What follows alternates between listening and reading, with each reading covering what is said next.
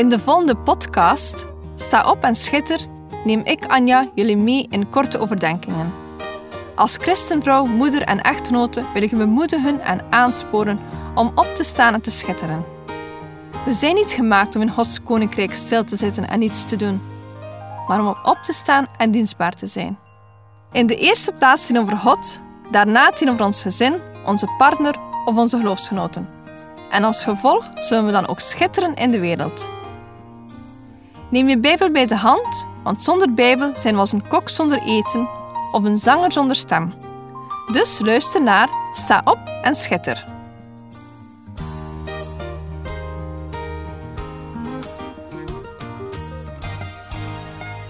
Beste luisteraars, in de vorige uitzending hadden we het over de rots Jezus. Vandaag, in deze derde uitzending, wil ik jullie meenemen in het actief opstaan, namelijk Bijbellezen. De schriftlezing is 2 Timotheus 3, versen 16 en 17. Heel de schrift is door God ingegeven en is nuttig om daarmee te onderwijzen, te weerleggen, te verbeteren en op te voeden in de rechtvaardigheid, opdat de mens die God toebehoort volmaakt zou zijn, tot elk goed werk volkomen toegerust. Toen ik in 2002 tot geloof kwam en Jezus als mijn redder aannam, veranderde er iets in mij. Het vuur ontstak als het ware. Ik verlangde naar Bijbelstudies en het lezen van zijn woord. De Bijbel kreeg een zeer belangrijke plaats in mijn leven. Het was mijn leidraad en er ontstond een passie die niet te beschrijven valt. Het is die passie die ik met jullie wil delen. Verlangen naar meer van God. Deze podcast noemt niets voor niets: sta op en schitter. Ik wil jullie blijven aanmoedigen om op te staan en te schitteren. Opstaan is iets actiefs. Je kan niets bereiken door niets te doen. Dus zoals een bekend kinderliedje zegt, lees je Bijbel en bid elke dag zodat je groeien mag. Groeien door de Bijbel te lezen en te bidden. We lazen zo net in 2 Timotheus dat de Bijbel is ingeven door God en ons wil toerusten tot goed werk. Het is nuttig om te leren. Als we de Bijbel bestuderen, zal het een hulp zijn in ons dagelijks leven. Het is ook tot nut om te weerleggen, te verbeteren en te onderwijzen in de gerechtigheid. Het is dus belangrijk om te oefenen in het gebruik van het woord.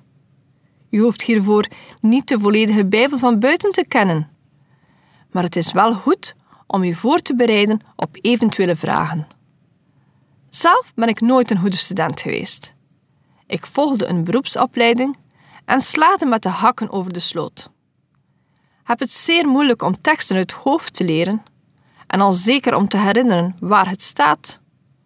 Maar daarvoor heb ik hulpmiddeltjes. Achteraan in mijn Bijbel staan er notas met verwijzingen en ook in mijn Bijbel-app op mijn telefoon vind ik die terug. In de praktijk merk ik vaak door Gods woord te bestuderen dat er meer in mijn eigen geheugen zit dan ik denk.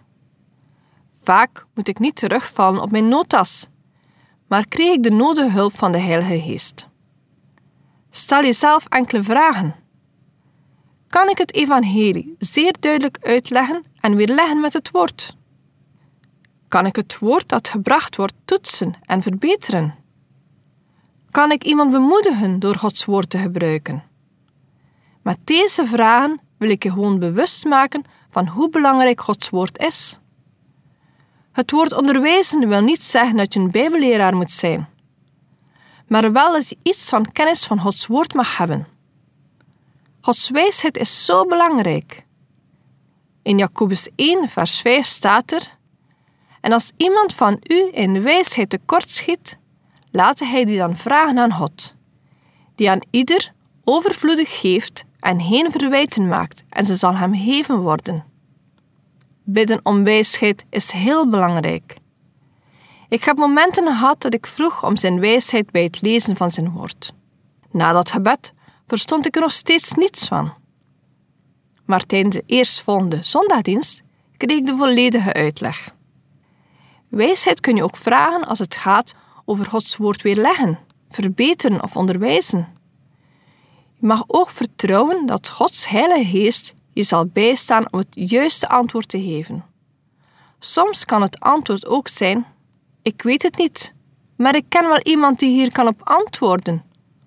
Of ik zoek het wel op en we komen er later op terug. Eerlijkheid is hierin van groot belang. Ik wil nu teruggaan naar de schriftlezing waar er staat in vers 17: Opdat de mens die God toebehoort volmaakt zou zijn, tot elk goed werk volkomen toegerust. Het woord de Bijbel is tot doel om ons toe te rusten. Zonder Gods woord leidt je een onvolmaakt leven. Een zinloos leven. Het stuk hier in 2 Timotheus toont aan hoe belangrijk de Bijbel is. De Bijbel is een van de middelen die God gebruikt om tot ons te spreken. Er is troost en kracht in Gods woord. Maar daarvoor moet je tijd nemen om te lezen. Je moet opstaan, de Bijbel openen en op onderzoek gaan. Soms hoor ik christenen zeggen: Ik merk zo weinig van God. Maar ze nemen niet de tijd om in de Bijbel te lezen. Hoe kan je God ervaren of leren kennen als de Bijbel dicht blijft?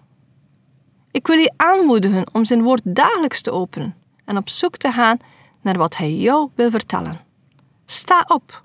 Vandaag, niet morgen. Uitstel is vaak afstel. Zeg niet: Ik heb geen tijd. Want tijd kun je zelf inplannen.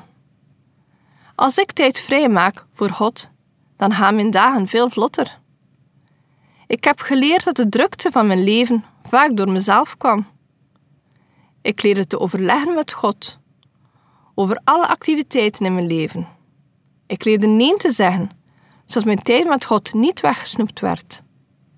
Satan wil niet liever dat, dat je gevuld leven hebt, met weinig tijd tot geen tijd voor de Bijbel. Voor iedere vrouw zal de verleiding anders zijn. Hobby's van jezelf van je kinderen, sociale media, tv, boeken, muziek. Vul voor jezelf de verleidingen maar in die de tijd met God wegnemen. Neem je prioriteiten. Je Bijbel lezen is zeer belangrijk en er zijn daar veel redenen voor. Een paar ervan heb ik al vernoemd.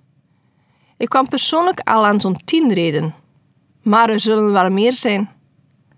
Ik ga ze even voor jullie kort benoemen. Het is een hulp in ons dagelijks leven. We krijgen minder zorgen voor de toekomst. Het laat ons Gods karakter zien. Het geeft besef van genade. Het is de bron voor de antwoorden op onze vragen over God. Het helpt ons om de juiste weg te gaan. De Bijbel leert ons wat zonde is. En is ook een bron van bemoediging, vertroosting en inspiratie.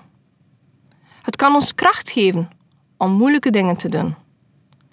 Het helpt om richting te vinden bij het maken van keuzes. Bijbellezen gaat voor velen niet vanzelf. Het is niet als een roman die je leest ter ontspanning. Je kan op het internet verschillende tips vinden over hoe je de Bijbel best leest. Deze tips kunnen nuttig zijn. Maar voor mij waren er ook veel tips die niet van toepassing waren. Tips als kies een vast tijdstip en maak een vast plek in je huis zijn tips die voor mij niet goed werken. Aangezien ik onregelmatig uren werk, kan ik mijn stille tijd niet op een vast uur plannen. Ik plan het wel iedere dag in.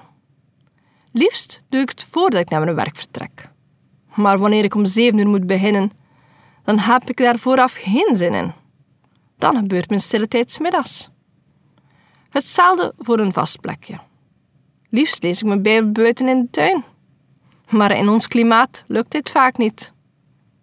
Bij drukke werkweken lees ik dan ook mijn Bijbel op mijn gsm, tijdens mijn middagpauze. Zelf heb ik gekozen voor een bijschrijfbijbel, waarin ik notas kan maken en soms ook wel eens een tekening in maak. Bijbellezen hoeft niet saai te zijn. De creativiteit die God me gaf, gebruik ik ook hierin. Zoals ik al zei, er bestaan verschillende tips voor bijbellezen. Zelf wil ik me beperken tot twee tips, die ik graag met jullie deel. Lees je Bijbel niet omdat het moet. Schrijf voor jezelf eens op waarom je wil lezen in de Bijbel. Bijvoorbeeld omdat je elke keer weer een beetje liefde, hoop en wijsheid vindt? Of omdat je kostbare tijd met je vader wil doorbrengen? Iets doen met een duidelijke reden maakt dat je het langer volhoudt. De tweede tip is: doe het op je eigen manier. Zoek een Bijbelvertaling die je ligt. Ben je creatief? Pak je kleurpotloden en kies voor Bijbeljournaling. Vind je lezen moeilijk? Luister een Bijbelpodcast terwijl je een wandeling maakt. Het internet staat vol van materiaal. Ook op TWR kun je een Bijbelstudiereeks beluisteren die door de volledige Bijbel gaat. Dus hou deze twee tips in je achterhoofd. Lees niet omdat het moet en doe het op je eigen manier. In de vorige aflevering zei ik: Jezus wil geen goede vriend van jou zijn, maar je beste vriend. Hij wil betrokken worden bij iedere minuut van je leven. Dus open je Bijbel, want dit is als een grote schatkist vol van schatten, klaar om opengemaakt te worden. Iedere keer dat je de schatkist openmaakt, zit er een nieuwe schat in. De ene schat nog mooier dan de andere. Je ontvangt niet alleen vergeving van je zonden, maar soms een juweel die je nog mooier maakt. Soms een woord die troost. Ja, zelfs een kroon en een plaats in de hemel krijg je cadeau. Ontdek wat de schatkist van God jou wil brengen. Doe hem open en lees. Dit zal je in staat stellen om te schitteren. Deze podcast kun je steeds opnieuw beluisteren via de website en app van twr.be. Als je deze aflevering leuk vond en je wilt de podcast helpen ondersteunen, deel hem dan met anderen. Heb je gebed nodig of wil je reageren op deze uitzending? Zend dan gerust een mailtje naar anja.twr.be. Bedankt voor het luisteren.